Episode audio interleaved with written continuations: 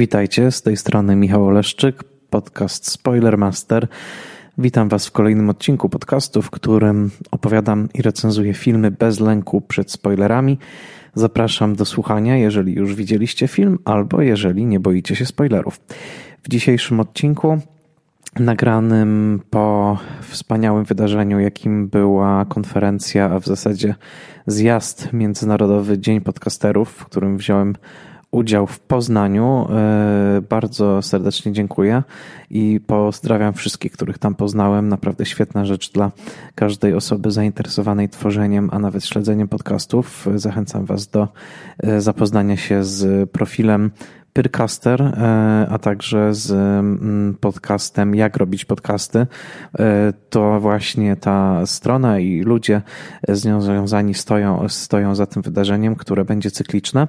A dzisiejszy odcinek, który nagrywam e, właśnie tuż po tym wydarzeniu, będzie poświęcony filmowi Ad Astra. To jest film w reżyserii Jamesa Greya, film, który był bardzo wyczekiwany i film, który z wielu powodów jest bardzo interesujący, a także film, który także pod wieloma względami mi się podobał, nawet jeżeli mam do niego jakieś zastrzeżenia. Natomiast zdecydowanie e, jest to jeden z najambitniejszych filmów roku. Roku, dodajmy, w którym Brad Pitt bardzo mocno zaznacza swoją obecność ekranową, bo nie dość, że e, do, dosłownie chwilę temu mieliśmy go e, w wspaniałej i bardzo e, szeroko omawianej roli w pewnego razu w Hollywood Quentina Tarantino, to dosłownie tygodnie po tamtej dużej i celebrowanej premierze przecież mamy film równie duży, no i z ogromnymi też ambicjami. Film współprodukowany zresztą przez E, Brada Pitta, film pod tytułem Ad Astra. E, także w jednym roku mamy dwa e, duże filmy z Bradem Pittem e, i, i, też jest to być może moment, żeby, co także postaram się w tym podcaście dzisiaj zrobić, zastanowić się nad jego wizerunkiem ekranowym i przyjrzeć się tej karierze, która już niedługo będzie obchodziła swoje 30-lecie, bo przypominam, że Brad Pitt do szerszej świadomości trafił po raz pierwszy swoją kinową rolą drugoplanową w filmie Telma i Louise, a to jest rok 91 pierwszy, więc już niedługo będziemy mówili o 30-letniej karierze tego mm, amerykańskiego aktora. Natomiast Ad Astra to jest e, film mm, podpisany przez Jamesa Greya, co mnie niesłychanie cieszy, dlatego że nie jest tak, że filmy Jamesa Greya trafiają na nasze ekrany automatycznie. Większość z nich była dystrybuowana na e, polskich ekranach, ale nie jest to los wszystkich jego filmów. Dość powiedzieć, że ostatni jego film sprzed trzech lat, to znaczy Zaginione Miasto Z, The Lost City of Z, niestety takiej dystrybucji się nie doczekał. Na szczęście trafił na VOD i można go było e, u nas obejrzeć, no ale e, trochę to ujmowało filmowi, który jakkolwiek niedoskonały, to był ciekawy, a przede wszystkim był pomyślany o dużym, szerokim, panoramicznym ekranie tak był wymyślony i tak był nakręcony. No, u nas trafił tylko na ekrany mniejsze. Można go też było oglądać na niektórych festiwalach, o ile pamiętam. Był między innymi na mm, off-kamerze w Krakowie. Więc filmy Jamesa Greya mm, to jest temat dosyć szeroki i bardzo mi bliski, bo zawsze byłem mm, orędownikiem tego reżysera i bardzo lubię jego filmy. E, od w zasadzie pierwszego, jaki zobaczyłem, bo poznawałem je w niechronologicznej kolejności w roku 2007 Będąc na stypendium w Stanach, w Pensylwanii, obejrzałem film e, We Own the Night, czyli Królowie Nocy. I to był film, który naprawdę mnie wówczas zachwycił. E, napisałem jego recenzję do miesięcznika Kino. Być może jeszcze da się ją gdzieś tam w archiwach kina mm, wygrzebać. I wówczas napisałem coś, co zresztą nie było żadnym wielkim odkryciem. E, było to dosyć oczywiste. Pisano o tym dosyć szeroko, mianowicie porównywałem Greya z Sidneyem Lametem. No i cały film był zresztą trochę pomyślany jako taki hołd dla kina Sydneya Lameta. To było moje odkrycie Greya, później e, obejrzałem jego wcześniejsze filmy, to znaczy Małą Odessę mm, i Ślepy Thor, The Yards, który był obecny na naszych ekranach, ale go przegapiłem, kiedy był grany w roku bodajże 2000 pierwszym. No i później już starałem się tę e, karierę Greya śledzić, chociaż e, tak jak mówię, no nie było to zawsze łatwe, bo nie zawsze te filmy trafiały na polskie ekrany. Dodam, że także najlepszy film Greya w moim przekonaniu, czyli Kochankowie Two Lovers z roku 2008 na polskie ekrany nie trafił i trzeba go było szukać na DVD. E, polecam, bo to DVD jest dostępne, film Kochankowie, o którym także pisałem duży esej dla Filmwebu swojego czasu w cyklu Reaction Shot i też zachęcam do lektury. Ten film jest wciąż dostępny i pozostaje w moim przekonaniu najwybitniejszym dziełem Greya. E, Ad Astra jest jego zdecydowanie najambitniejszym i najbardziej wysokobudżetową e, budżet, filmem. E, to jest produkcja z niesłychanie wyrafinowanymi efektami specjalnymi. Też produkcja, która pomimo, że ma duże ambicje artystyczne i filozoficzne, to jednak bezbłędnie lokuje się w takich ramach blockbustera science fiction, to znaczy filmów ze spektakularnymi efektami specjalnymi, z sekwencjami akcji i z taką epicką historią osadzoną w całości w kosmosie, która no, jak najbardziej włącznie z twarzą Brada Pitta na plakacie mm, sprawia, że na ten film pójdą nie tylko miłośnicy, tudzież koneserzy talentów reżyserskich Jamesa Greya, ale pójdą na niego bardzo szerokie rzesze widzów, którzy chcą zobaczyć Brada Pitta, Pitta w kosmosie. I to jest e, niesłychanie interesujący film, film, który już od dłuższego czasu był przygotowywany. Co więcej, bardzo umiejętnie o tym filmie pisano jeszcze zanim został ukończony. To znaczy, jest to film w pewnym sensie wyczekiwany, z takim długo i szeroko zakrojonym PR-em wstępnym, włącznie z bardzo prestiżowymi publikacjami, co też nie pozostaje bez znaczenia, bo jest to film, który i no też został opisany bardzo szeroko w najbardziej prestiżowej amerykańskiej publikacji, takiej intelektualnej, mm, literackiej, ale także no, około kulturalnej, to znaczy w New Yorkerze. Tam e, kilka tygodni temu w numerze z 9 września możecie znaleźć e, dostępny online za darmo mm, e, długi, długi profil Jamesa Greya. Profile New Yorkera to jest taka, no w zasadzie najbardziej prestiżowa forma celebracji artysty w, w, w świecie elit amerykańskich. To jest właśnie taka, żeby o artyście powstał profil w tygodniku New Yorker i te profile są zazwyczaj niesłychanie rozbudowane. To są wielo, wielostronicowe teksty, które powstają bardzo długo i które zazwyczaj fokusują się na jednym e, dziele, które jest właśnie dziełem najnowszym twórcy, ale sięgają też bardzo głęboko do jego biografii. E, piszący taki artykuł spędzają dużo czasu z Greyem.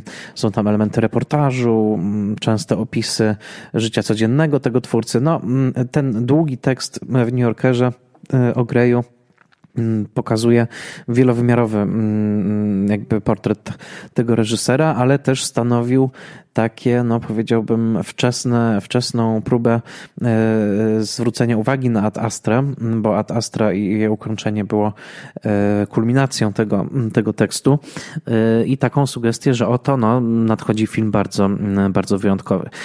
Co do tego, że jest wyjątkowy, nie mam żadnych wątpliwości. Co do tego, czy jest tak wybitny, jak wielu krytyków chciałoby, żeby on był wybitny, tudzież no, te czasami nawet tak trochę życzeniowo mówią o tym filmie, że jest tak wybitny. No co do do tego mam już poważne, e, poważne wątpliwości. E, film widziałem jeden raz i pół, to znaczy półtorej czy półtora raza, e, dlatego że obejrzałem go w całości w wersji 2D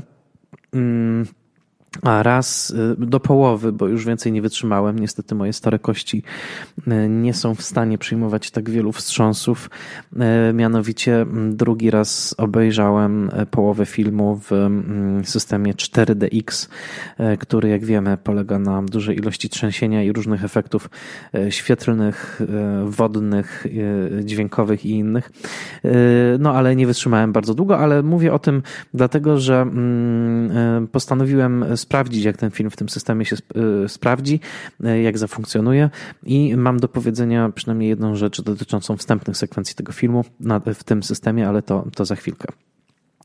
James Gray Jest reżyserem urodzonym 50 lat temu, w tym roku stuknęła mu 50 na nowojorskim Queensie, czyli bynajmniej nie, e, że tak powiem, w szacownych rejonach Upper East Side, e, z których wywodzą się reżyserzy, e, przynajmniej w których od pewnego momentu zamieszkali reżyserzy celebrujący tą bardziej intelektualną, wyrafinowaną stronę Nowego Jorku, tylko jest, no właśnie, chłopakiem z Queensu, z tej dzielnicy położonej na północnej w północnej części mm, Brooklynu, e, dzielnicy znanej nie tylko no, z mieszanki etnicznej, ale także z e, dosyć zbanalizowanego życia klasy robotniczej, które czekało się wielu portretów, e, portretów filmowych.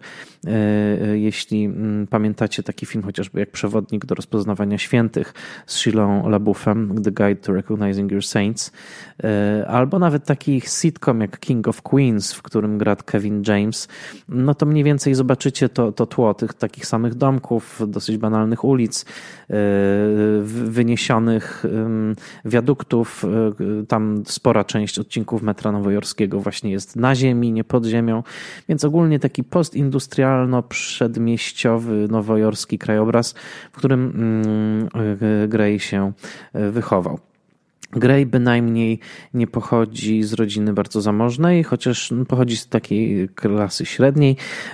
Jego ojciec był mm, przedsiębiorcą, który w pewnym momencie wpadł w dosyć duże tarapaty prawne. Został oskarżony, co później zostało zresztą udowodnione, o korupcję i próbę przekupstwa w e, umowach z mm, e, Kotka, co ty robisz? E, mówię do mojej kotki, która tutaj leży obok mnie i chyba chce się na mnie rzucić. Zostaw mnie. E, swoją drogą macie pozdrowienia od mojej kotki. Więc tak, ojciec Greya został oskarżony o korupcję w pewnym momencie i e, zostało to udowodnione. Chodziło o dosyć nieczyste deale z transportem publicznym w Nowym Jorku, ale Grey przez całe życie w zasadzie wychowywał się no właśnie w takiej dosyć zbanalizowanej klasie średniej, mimo że rodzice rodzice zachęcali go do mm, poszukiwań bardziej intelektualnych, to bynajmniej nie jest to taki twórca, który y, jakoś by tutaj szczególnie celebrował życie intelektualistów. Wręcz przeciwnie.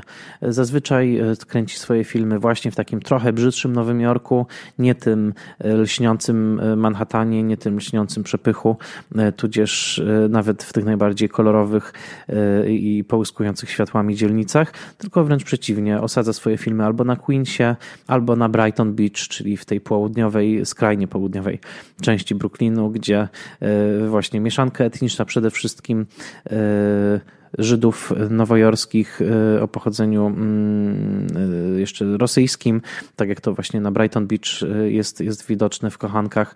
Mm, no a wokół tego wszystkiego taka swoista miejska brzydota, w, pośród której zazwyczaj umieszcza Grey swoich wrażliwców, bo on często skupia się na bohaterach, którzy są niezwykle wrażliwi i tutaj emblematyczną taką postacią jest postać Leonarda, granego przez Joaquina Phoenixa w filmie kochankowie i y, też y, no, postaci outsiderów, tudzież ludzi, którzy na różne sposoby są może nie tyle wykluczeni, ale jakoś słabsi. Między innymi polska imigrantka w filmie pod tytułem Imigrantka, grana przez Marion Cotillard, Ewa Cybulska, e, czyli polska katoliczka z klasy robotniczej, która przypływa na Ellis Island e, w drugiej dekadzie XX wieku i jest w zasadzie no, pozbawiona języka, pozbawiona wszelkiego przywileju. E, dosyć szybko zostaje też oszukana, wyrzucona przez swoich, swoją, swoją rzekomych, rzekomych przyjaciół, rodzinę i jest zdana całkowicie na łaskę i niełaskę takiego bardzo podejrzanego przedsiębiorcy i typa granego przez Mm, Joaquina Phoenixa. E, więc e, najkrócej bym określił styl Greya w taki sposób, że z jednej strony on się skupia na jednostkach e, słabych, słabych psychicznie, wrażliwych, mm, często próbujących przezwyciężyć te swoje, te swoje ograniczenia, mm, ale zazwyczaj sięgających w rejony bardzo niebezpieczne, zakazane, ewentualnie no, takie, które grożą im sparzeniem się. Mm, to jest przypadek właściwie wszystkich jego bohaterów, e, którzy zazwyczaj są to mężczyźni, tylko w imigrantce skupił się na, na kobiecie jako na postaci głównej, ale z bardzo dobrymi skutkami, e, dodajmy. I, i wokół, wokół nich jest taki no, dosyć brzydki, chociaż pięknie filmowany i bardzo niebezpieczny świat. Albo mafiozów, albo właśnie jakichś oszustów, albo ludzi, którzy chcą nas zranić emocjonalnie, tak jak to w przypadku kochanków było, gdzie Gwyneth Paltrow grała taką bardzo piękną, ale też bardzo niezważającą na emocje bohatera e, e, blondynkę z e, sąsiedztwa. E, więc e, to jest taki, taki e, reżyser, który bardzo dba o stronę wizualną swoich filmów. Te wszystkie filmy są piękne w sposób nieoczywisty. To nie jest takie banalne, pocztówkowe piękno, tylko powiedziałbym tak głęboko filmowe przemyślenie inscenizacji, zdjęć, scenografii, koloru. Jest to, jest to reżyser, który niesłychanie dba o to, żeby cięcia, ruchy kamery, wszystkie te środki narracyjnego opowiadania filmowego były absolutnie przemyślane i nie wyobrażam sobie jeszcze, że Greya, który kręciłby sekwencje czysto spontanicznie i potem szukał filmu w montażu, to jest reżyser, który myśli niesłychanie wizualnie, niesłychanie precyzyjnie i e, no dość powiedzieć, że kochanków, czyli Two Lovers używam od wielu lat już e, na moich zajęciach na uczelni, kiedy omawiam język filmu, pokazuję obszerne fragmenty tego filmu i od lat mam świetne rezultaty pracując ze studentami, patrząc jak precyzyjnie Grey inscenizuje ten film, jak świetnie używa szerokiego ekranu, jak używa mm, jakby proporcji mm, ekranu, jak używa koloru, jak używa oświetlenia, y, muzyki, dźwięku, no to jest po prostu znakomity inscenizator, być może jeden z najlepszych w ogóle inscenizatorów y, w kinie współczesnym. I to wszystko y, do tej pory nie spotkało się z jakąś szczególnie mm, entuzjastyczną recepcją w Stanach Zjednoczonych. Grey jest już niemalże przysłowiowo bardziej doceniany w Europie niż w Stanach. E, już czterokrotnie jego filmy były pokazywane w konkursie głównym festiwalu w Cannes. To ogromny zaszczyt. Niestety zawsze wyjeżdża stamtąd bez nagród, ale mm, także jego filmy były, e, mimo że znajdowały swoich przyjaciół wśród amerykańskich recenzentów, to wciąż było takie, takie przekonanie, że no Greya ani nie kocha publiczność amerykańska, ani e, branża mm, filmowa, dlatego że mimo tych wszystkich pięknych osiągnięć nie doczekał się chociażby nominacji do Oscarów, nie doczekał się Mm, też jakichś, jakichś e, bardziej prestiżowych nagród. Mm, o, o Greyu utarło się takie mówienie, że jest to reżyser jakoś wiecz, wiecznie aspirujący, który chciałby być taki jak Scorsese czy, czy Lamet, ale nigdy mm, do, tej, do tego poziomu nie doskoczył. I niestety to w jakiś sposób pisze się o Greyu często, włącznie z tym profilem w New Yorkerze bardzo umacnia ten obraz, który być może jest prawdziwy. E, Gray musiał się zmierzyć z ogromną ilością rozczarowań, e, włącznie z tym, kiedy skończył swój najbardziej ambitny technicznie film, czyli Imigrantkę. No, doszło do tego, że film nie został w Stanach dystrybuowany w, w żadnym szerokim, szerokim obiegu. Doczekał się zaledwie takich średnich recenzji z pojedynczymi tylko wybuchami entuzjazmu pewnych bardzo elitarnych krytyków. Nie doczekał się nigdy dystrybucji Wielkiej Brytanii kinowej na przykład przykład. E, no film, filmy e, Greya często e, bardzo mm, natrafiały na taką falę obojętności, ewentualnie na skinienie głowy, potwierdzające, że tak, to jest wszystko bardzo ciekawe formalnie, ale niestety nie ma w tym pasji, nie ma w tym energii.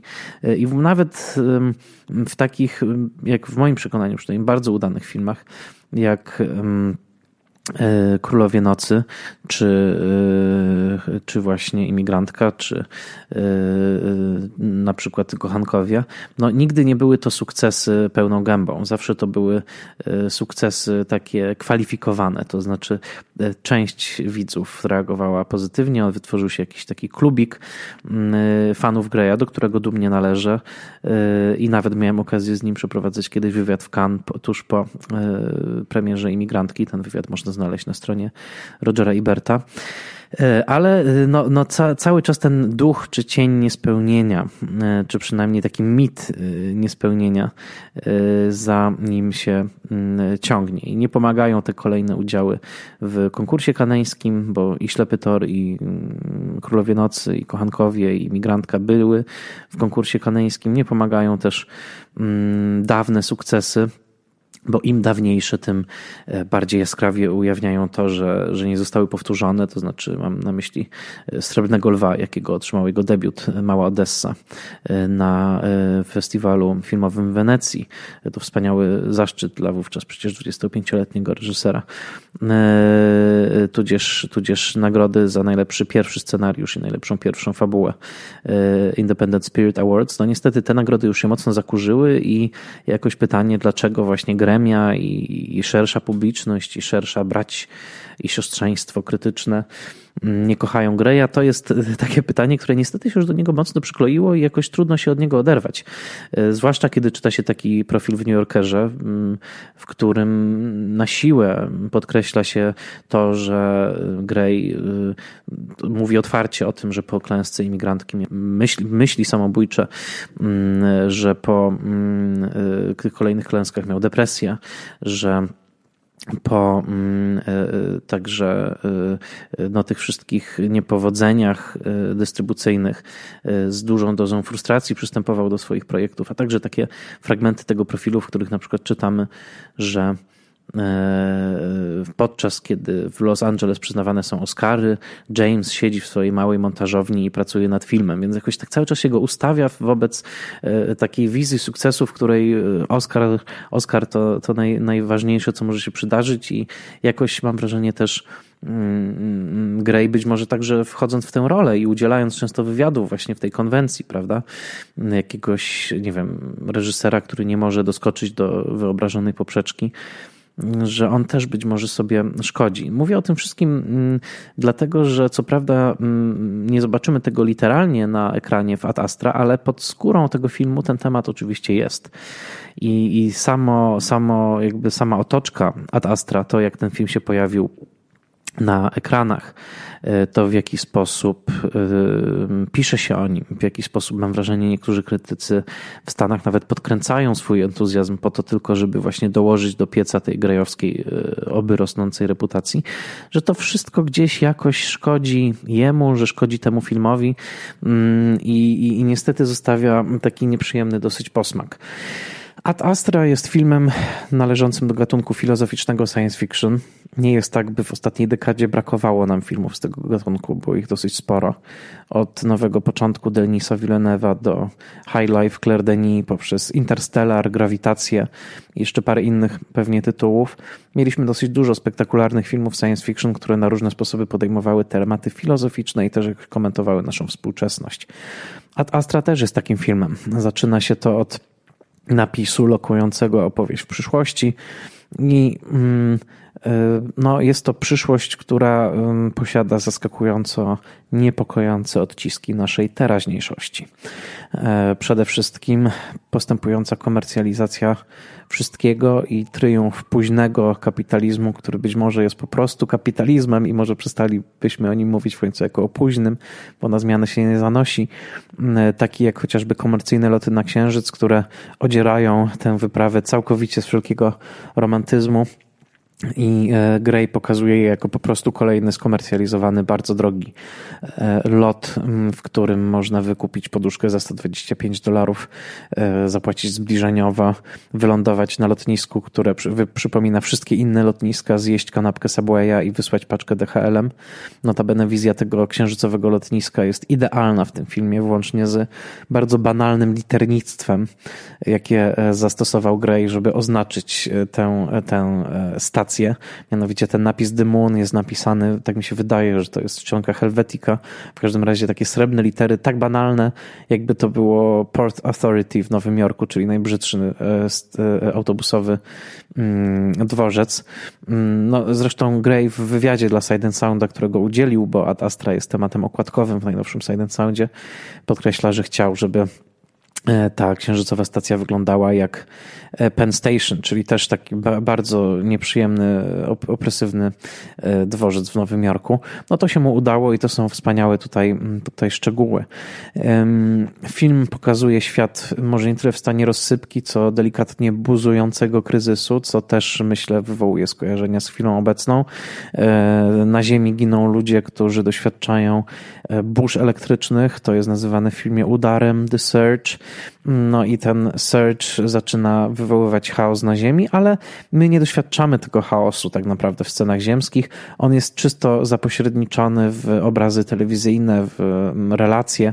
Nie jest tak, żebyśmy widzieli spanikowanych ludzi na ulicach, e, tylko i wyłącznie widzimy ich na ekranie telewizorów. E, rzeczywistość bohatera nawet wtedy, kiedy zostaje uderzony przez taką burzę elektryczną, spada z sondy kosmicznej i kręci się w powietrzu jak piłka, nawet wówczas bohater pozostaje stosunkowo spokojny, mimo że ekran szaleje.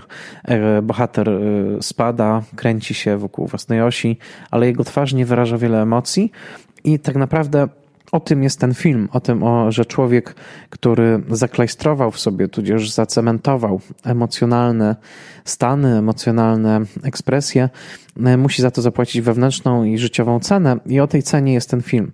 Film e, zmusza bohatera głównego, e, astronautę Roya, granego przez Brada Pitta, do konfrontacji ze swoim ojcem. Ten ojciec, Clifford, uważany na ziemi za bohatera, dlatego że dawno temu, ponad 20 lat temu, wybrał się na rubieże kosmosu, gdzieś w okolicy Neptuna, po to, żeby badać możliwości inteligentnego życia, z którymi z jakiegoś powodu wciąż e, bohater, e, ludzie w tym filmie wiążą jakieś wielkie nadzieje. Nie do końca wiadomo, na czym miałyby polegać te nadzieje. Czy na udanej kooperacji, czy na jakimś religijnym olśnieniu, czy na ewentualnym kolonialnym podboju. To w tym filmie nie zostaje wyjaśnione. W każdym razie ludzkości w tym filmie bardzo zależy na tym, żeby otrzymać jakiś znak z zewnątrz, żeby udowodnić istnienie istnienie mm, życia mm, pozaziemskiego. No, ojciec właśnie e, e, Roya, czyli Clifford, grany przez Tomiego Lee Jonesa, lata temu wypuścił się na te mm, kosmiczne rubieże i nasz bohater, który jest zanurzony w takiej emocjonalnej magmie po rozstaniu z żoną, którą tu widzimy tylko chwilami, Liv Tyler znowu w, stron, w roli żony astronauty, jak w Armagedonie. E, otóż bohater musi się skonfrontować właśnie ze swoim ojcem, który na Ziemi uważany jest za bohatera, ale tajne służby wiedzą e, z prawie całkowitą pewnością, że jest on zdrajcą, buntownikiem i kimś, kto przypomina bardzo zbuntowanego pułkownika Kurtza w Jądrze Ciemności Josepha Conrada i oczywiście w czasie apokalipsy Francisa Forda Coppoli, który to film zaledwie chyba dwunastoletni James obejrzał lata temu w Carnegie Hall w Nowym Jorku w 1981 roku jesienią i ten właśnie seans połączony z seansem doktora Strangelowa Kubricka był seansem, który zmienił jego życie. Po nim zamarzył, żeby być filmowcem i po nim e, rozpoczął swoją filmową pasję. Więc nic dziwnego, że 50-letni James wraca do pasji 12-letniego Jamesa i postanawia nakręcić własną wersję czasu apokalipsy, bo w sumie właśnie tym jest Ad Astra, to znaczy jest przerobieniem czasu apokalipsy przez maszynkę 2001 Odysei Kosmicznej, przyprawienie tego no, czekoladową posypką Spielberga i e, e, okraszenie całości metafizyką rodem z Malika. Tak bym to ocenił. Mniej więcej w jednozdaniowej recenzji, bo co tu mamy? Mamy podróż kosmiczną, mamy e, takie echa powolnych filmów kosmicznych, ja bym to nazwał slow sci-fi cinema, takich jak chociażby Solaris Andrzeja Tarkowskiego, to znaczy długie, nieruchome ujęcia pokazujące ciała w przestrzeni w stanie nieważkości, okraszone bardzo tutaj taką pełną niepokoju pokoju muzyką Maxa Richtera e, i bardzo ciężkim, e, bardziej malikowym niż sam Malik, e, takim głosem, narracją z zakadru, którą prowadzi Brad Pitt. Mm, ta narracja towarzyszy całemu filmowi. Niestety chwilami jest bardzo dosłowna. Nie ma nawet takiej transcendentalnej, religijnej frazy w, tym, w tej narracji. Bardziej jest to narracja, powiedziałbym, w dosyć literalny, dosłowny sposób, wyjaśniająca stany psychiczne bohatera, nazywająca je bardzo wprost. E, I chwilami niestety ta narracja wydaje mi się nadmierna, jest jej za dużo, jest za mocno dociśnięta, jest zbyt dosłowna. Aż dziwię się, że niektórych zdań w montażu e, e, Gray nie wyciął i tu jestem ciekaw, czy były jakiekolwiek napięcia na, z producentami. Dodam, że współproducentem filmu jest właśnie Brad Pitt i jego firma Plan B, tudzież Plan B, którą zakładał mm, kilkanaście lat temu z Jennifer Aniston i Bradem, e, Bradem Grayem. E, natomiast No, film dosyć jawnie odwołuje się do czasu apokalipsy, włącznie ze sceną rozmowy e, z oficerami, w której Pitt otrzymuje zlecenie, e, tudzież misję odwiedzenia Neptuna e, i porozmawiania z ojcem. Te sceny przypominają bardzo sceny z oficerami w czasie apokalipsy, kiedy Martin Sheen no, odgrywa bardzo podobną scenę. I cały film, który także polega na nagraniach postaci ojca, granego przez Tomego Lee Jonesa, który te nagrania ogląda obsesyjnie, nasz bohater przypomina znowu nagrania głosu Kurtza, które figurowały w bardzo podobnej funkcji w czasie apokalipsy. I e, no, gdzieś od tego czasu apokalipsy tutaj się nie da, nie da w Ad Astra um, uciec. Poza tym, że film ma o wiele spokojniejszą i można powiedzieć wręcz pogodną konkluzję, e, mimo że pokazuje e, no, pod sam koniec taką bardzo pełną bólu i goryczy konfrontację syna z ojcem, to jednak jest to film, który w ostatnim momencie zostawia nas z jakimś rodzajem nadziei na to, że bohater inaczej spojrzał na, na życie, na swoją egzystencję i być może rozpacz nie będzie już tą siłą, która nim najbardziej kieruje. Ad Astra jest filmem spektakularnym i tutaj polecam też swoją recenzję z dwutygodnika opublikowaną kilka dni temu, tam piszę o tym troszkę więcej.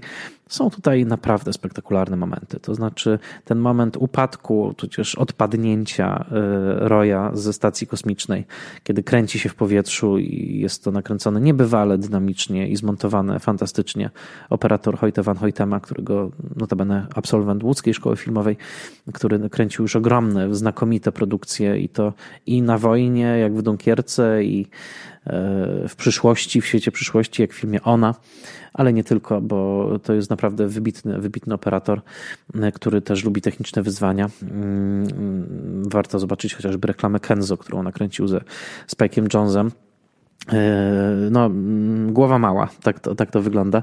Więc e, są tutaj spektakularne sceny. Ta scena wirówki w powietrzu, kiedy Brad Pitt kręci się i kręci i kręci i razem z nim kręci się cały świat, wywołała u mnie dobrze pojęte mdłości, kiedy obejrzałem ją w 4DX, bo rzeczywiście ruch foteli i podmuchy powietrza, e, to wszystko jest tak zsynchronizowane, że ten kręcący się ekran, kręcące się fotele rzeczywiście robią wrażenie. Także jeżeli chcecie płacić tą ogromną, absurdalną cenę, jaką obecnie kosztują bilety 4DX w Cinema City, to, e, to polecam, chociaż za jeden taki bilet możecie mieć całą kartę Unlimited, którą polecam bardziej. Więc, więc tylko dla spragnionych wrażeń. Ale tak, to to jest spektakularna sekwencja, podobnie jak pościg za łazikami księżycowymi, kiedy to na księżycu, na srebrnym globie e, z czarnym powietrzem, e, czarnym niebem w tle e, odbywa się bezgłośny w zasadzie pościg. Nie ma atmosfery, więc nie mogą się rozchodzić fale dźwiękowe. Strzały są przytłumione. I wszystko wygląda sennie, przedziwnie, a jednocześnie jest to fantastycznie zmontowana, bardzo szybka scena akcji. No to są te momenty, kiedy widzimy Greya, mistrza inscenizatora, absolutnie w formie najwyższej. Kto pamięta deszczowy pościg samochodowy w Królach Nocy, ten wie o czym mówię. To był świetny pościg, w którym w zasadzie nic nie było widać przez szyby samochodów, bo wszystko było zalane, mm, zalane wodą, zalane deszczem. E, Grey stawia sobie tak wysokie zadania reżyserskie i absolutnie nie tylko doskakuje, ale przeskakuje e, poprzeczkę, e, którą sobie zawiesza. Jest po prostu inscenizatorem wybitnym. Natomiast pytanie, czy ogarnia całość opowieści, albo czy potrafi jej nadać taki rezonans, jaki by chciał. Tu mam wątpliwości. Cały film jest synowsko-ojcowską psychodramą. E, najokrutniejsze momenty filmu przychodzą wtedy, kiedy ojciec mówi wprost synowi, że e, tak, postawiłem pracę ponad wami, e, relacja emocjonalna z tobą, synu, nie była dla mnie tak istotna jak misja poszukiwania życia w kosmosie. Są to słowa, zwłaszcza w jednym momencie, niesłychanie okrutne, raniące dla syna i tak naprawdę mm, film nie usprawiedliwia ojca, tylko pokazuje, że syn musi sobie radzić z tym ojcowskim odrzuceniem. No, są to wstrząsające momenty, ale no, kiedy na to wszystko nałożymy porządek religijny, bo tam dużo się mówi o Bogu Ojcu, więc ta figura Ojca jest tutaj obecna, kiedy na to jeszcze nałożymy porządek filozoficzny, e, tudzież nawet może trochę ekologiczny, bo ten film jest jak najbardziej zrodzony w takiej świadomości kryzysu klimatycznego. I e, Gray też jakby pewne sygnały posyła, że widział klasyk ekologicznego science fiction, czyli Silent Running, e, niemy wyścig Douglasa Trembula, no to jeżeli to wszystko zostawimy, to powiem tyle. Ambicja tego filmu waży wiele, wiele ton. Humor tego filmu, który jest obecny, ale bynajmniej nie jest to humor, który by e, sprawiał, że całość jest naznaczona jakąś lekkością. Nie, to są takie chwilami obecne mm, żarty czy dotknięcia ironii dla Greya bardzo charakterystyczne. No niestety nie odciąża tego filmu. Film e, ugina się pod ciężarem własnej ambicji, co jest o tyle paradoksalne, że sam Grey chwilami pozwala sobie na zrealizowanie takich chłopackich marzeń reżyserskich i na przykład e, ładuje do filmu scenę, w której astronauci na chwilę muszą się zatrzymać w swojej misji, żeby wejść na statek porzucony przez E, tudzież opustoszały e, wysyłający sygnał SOS, co przypomina trochę obcego. E, I tam rzeczywiście pojawia się potwór w postaci morderczej małpy, która wygląda jak najbardziej jak z filmu klasy B. I zresztą scena jest świetnie wyreżyserowana. Ataku tej małpy, głowa małpy fajnie rozpryskuje się na bulaju drzwi kosmicznych. To są, mówię oczywiście teraz językiem mnie, czyli 14-letniego fana fajnego, krwawego kina. Tak, to jest zrobione świetnie, tylko nagle sobie zdajemy sprawę, Y, z tego, że naprawdę nie wiadomo, co Gray chce się w tym filmie osiągnąć, bo albo tworzy właśnie taką filozoficzną baśń, mm, albo y, no, traktuje poważnie swoje tematy, albo y, wsadza tam morderczą małpę i, i tak dalej. No, nie, ma, nie da się ukryć, że mniej więcej w 80 minucie wkrada się tutaj duże niezdecydowanie i duża nuda. To znaczy ostatnie pół godziny, y, wyjąwszy samą konfrontację z ojcem, to jest nuda w stanie czystym i wydaje mi się, że wzięło się to z tego, że Gray nie do końca wiedział, w jaki ton w tym filmie uderzyć. To znaczy, w momencie, jak już zaczął e, iść w skojarzenia typu Czas Apokalipsy, Jądro Ciemności 2001, no to trochę trudno było się obrócić napięcie i nadać całemu filmowi trochę lżejszą wymowę. Być może scena z małpą była próbą czegoś takiego. Niestety, nie wystarczy z kolei jeden taki numer, żeby całemu filmowi E, nadało to, nadało to inny ton. Więc prawdę mówiąc, jestem zagubiony w tym filmie i jestem e, rozczarowany tym, jak bardzo on się rozpada na te bardzo nierówne części. I o ile niektóre wywołują mój zachwyt, tak jak już powiedziałem, te sceny spektakularne, ewentualnie ta ironia właśnie późnego kapitalizmu w kosmosie przyszłości, o tyle wcale nie jestem pewien, że te wszystkie składniki działają wspólnie razem, a nawet chwilami czułem zażenowanie e, pewną pretensjonalnością tego filmu, bo sam fakt wybrania tytułu po łacinie, łacinie jeszcze przetłumaczonej na ekranie w taki dosyć toporny sposób, na wypadek, gdybyśmy nie wiedzieli, co to znaczy ad astra. To taki typowo producencki e, jakby chwyt, tak, żeby e, ad astra przez chwilę było na ekranie razem z literami układającymi się w to the stars, czyli to gwiazd.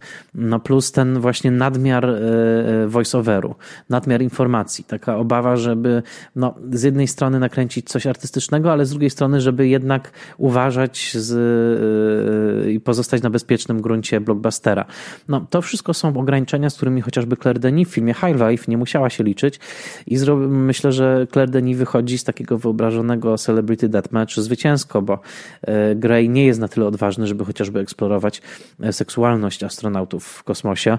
E, o, jak wiemy, Claire Denis była pod tym względem bardzo odważna i wręcz uczyniła to niemal głównym tematem swojego filmu. No, I seksualność, i płodność w kosmosie. Tutaj tego nie ma, a przecież Claire Denis też miała gwiazdę w postaci Roberta Pattinsona. No, e, Gray, mm, jednym słowem, e, gra w tym filmie na kilku boiskach, chce wygrać kilka meczy, nie da się tego zrobić, więc powstaje film wspaniały i frustrujący jednocześnie, chociaż, i tutaj dodaję coś, o czym już nie miałem miejsca napisać w dwutygodniku w swojej recenzji, absolutnie potwierdzający gwiazdę, e, jaką jest Brad Pitt, potwierdzający jego gwiazdorską charyzmę, jego gwiazdorską pozycję, nie tylko fakt, że w tym samym roku jest u Tarantino i u Greya i nie tylko fakt, że jest też producentem, ale także fakt tego, że Mm, faktycznie można spojrzeć na tę karierę e, na tych ostatnich 30 lat i zadziwić się, jak wiele wspaniałych ról on zagrał. Mm, dodam, że w nowym Silent Soundzie, właśnie w tym z Ad Astra na okładce, jest bardzo dobry, taki skrótowy, ale rzeczywiście świetny tekst Ann e, Bilson o karierze Pita i przeglądając, e, czytając ten tekst, byłem w szoku, jak wiele tych ról ja pamiętam, bo przecież pamiętamy go i jako takiego młodego zamiennika Roberta Redforda w filmie e, A River Runs Through It, e, czyli Rzeka Życia, o ile pamiętam u nas. Nie tylko w tych ikonicznych jego rolach, jak chociażby w, w Podziemnym Kręgu Finchera, tudzież tych nominowanych do Oscara, jak w Dwunastu Małpach, e, Moneyball, czy w ciekawym przypadku Benjamina Batona, ale przecież w tak kluczowych filmach lat 90., jak Siedem, e, przecież w tak e, przełamujących tabu filmach lat 90., jak Wywiad z wampirem, w takich autoironicznych rolach, jak chociażby w Przekręcie Gaja Ritchiego. Notabene za ten film y, Brad Pitt trafił na listę najgorzej udawanych akcentów, bo tam bodajże mówi z takim sztucznym irlandzkim akcentem. Ale także w tych ambitnych produkcjach, które często wspierał. Nie jest przypadek, przypadkiem, że Astra tak mocno nam się kojarzy z Malikiem, bo przecież no, Brad Pitt wystąpił już w jednym filmie, w którym tłem był kosmos, perspektywą był Bóg, a problemem były relacje ojcowsko-synowskie, to znaczy w Drzewie Życia, nagrodzonym Złotą Palmą, filmie, w którym zagrał rolę z kolei ojca tym razem. I też był voice-over, e, też był dosyć dosłowny i też kamera często no, kontemplowała e, Pita i jego, e, jego zamyślone spojrzenie na tle zdumiewających różnych krajobrazów. Więc Drzewo Życia jest takim duchowym bratem Ad Astry, może nawet bardziej niż 2001, może nawet bardziej niż Czas Apokalipsy. A przecież to był także film, który mm, Brad Pitt współprodukował. Więc tych ról jest bardzo dużo, włącznie z tymi stricte gwiazdorskimi, e, takimi stricte hollywoodzkimi w dobrym, starym stylu, to znaczy jak w trylogii Ocean's Eleven, czy w Sprzymierzonych, czy w Panu i Pani Smith. Ten tekst w Silent Soundzie sprawił, że rzeczywiście spojrzałem na te 30 lat kariery Pita i jak na chłopaka, który wychowywał się w Oklahomie i Missouri i ma w sobie ten taki mm, gen y, prostego, w dobrym słowa znaczeniu chłopaka z amerykańskiej prowincji, to jest to kariera zdumiewająca, ponieważ, i to jest chyba najbardziej zaskakujący element, pozbawiona dużych klap, bo mogą nam się nie podobać niektóre filmy Pita, ale to jest kariera pozbawiona tak naprawdę y, wielkich, wielkich wpadek. I jeszcze na dodatek no, uświęcona faktem, że Pitt nie tylko jest producentem, y, nie tylko ma firmę Plan B, ale także jest to jest producentem, który wchodzi w bardzo dobre projekty, bo przecież i Moonlight, i y, Beautiful Boy, i Selma, ale także film E, Ogdża e, e, Bonga, który jest obecnie na ekranach jako z filmem Parasite, ale Ogdża to był film wcześniej nakręcony dla Netflixa. To wszystko są filmy, w których miał swój udział Brad Pitt jako producent. Także kto wie, proszę Państwa, czy nie mamy przed sobą jednej z kluczowych postaci w ogóle amerykańskiego kina ostatnich trzech dekad, postaci producenta, aktora, prawdziwej gwiazdy, świetnego aktora, który wystąpił w kluczowych filmach tych trzech dekad, jak chociażby Siedem, jak chociażby drzewo, drzewo życia.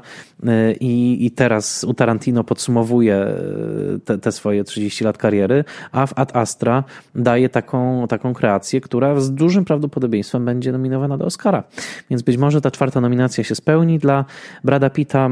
Ja wychodziłem z Ad Astra trochę rozczarowany, bo marzy mi się taki James Gray, który niekoniecznie napina się i koniecznie chce udawać Kubricka, czy Spielberga, czy Scorsese'ego, czy Coppola tylko bardziej James Gray, który eksploruje po prostu tematy, które go interesują, tak jak to było chociażby w Kochankach. Ale e, ostatnia informacja z mm, profilu newyorkerowskiego, o którym tutaj mówię, jest taka, że następny projekt Jamesa Greya to będzie film bardzo osobisty, dziejący się w latach 80. w Nowym Jorku, e, mniejszej skali, więc może, może tutaj nastąpi coś takiego, że James Gray znowu nakręci film, który mnie w pełni usatysfakcjonuje. Ad Astra jest filmem zdecydowanie wartym obejrzenia i koniecznie obejrzyjcie go w kinie, ponieważ jest to film prawdziwie spektakularny w wielu aspektach. Jako całość nie nasycił mnie. Myślę, że jest to jednak film niespełniony, mimo całego entuzjazmu, jaki wykrzesali przy tej okazji krytycy. Ja pozostaję troszkę sceptyczny, ale śledzę Odyseję filmową Jamesa Greya od 25 lat ten reżyser jest jednym z ciekawszych, ambitniejszych twórców pracujących w kinie współczesnym i bardzo mu życzę, żeby, y, żebyśmy wszyscy przestali porównywać go do Scorsese i innych wielkich, żeby on także przestał aspirować do podobnej im roli, tylko żeby był po prostu sobą, Jamesem Grayem, bo takich inscenizatorów naprawdę ze świecą szukać. Bardzo Wam dziękuję za kolejny odcinek. Jeżeli podobał się Wam ten odcinek podcastu, zapraszam do posłuchania poprzednich odcinków, do zasubskrybowania e, na YouTubie, bądź na Spotify'u, bądź na dowolnej aplikacji, jaką się posługujecie, a także do kliknięcia like na moim fanpage'u facebookowym Spoilermaster, podcast do słuchania po seansie, a następny odcinek już za tydzień.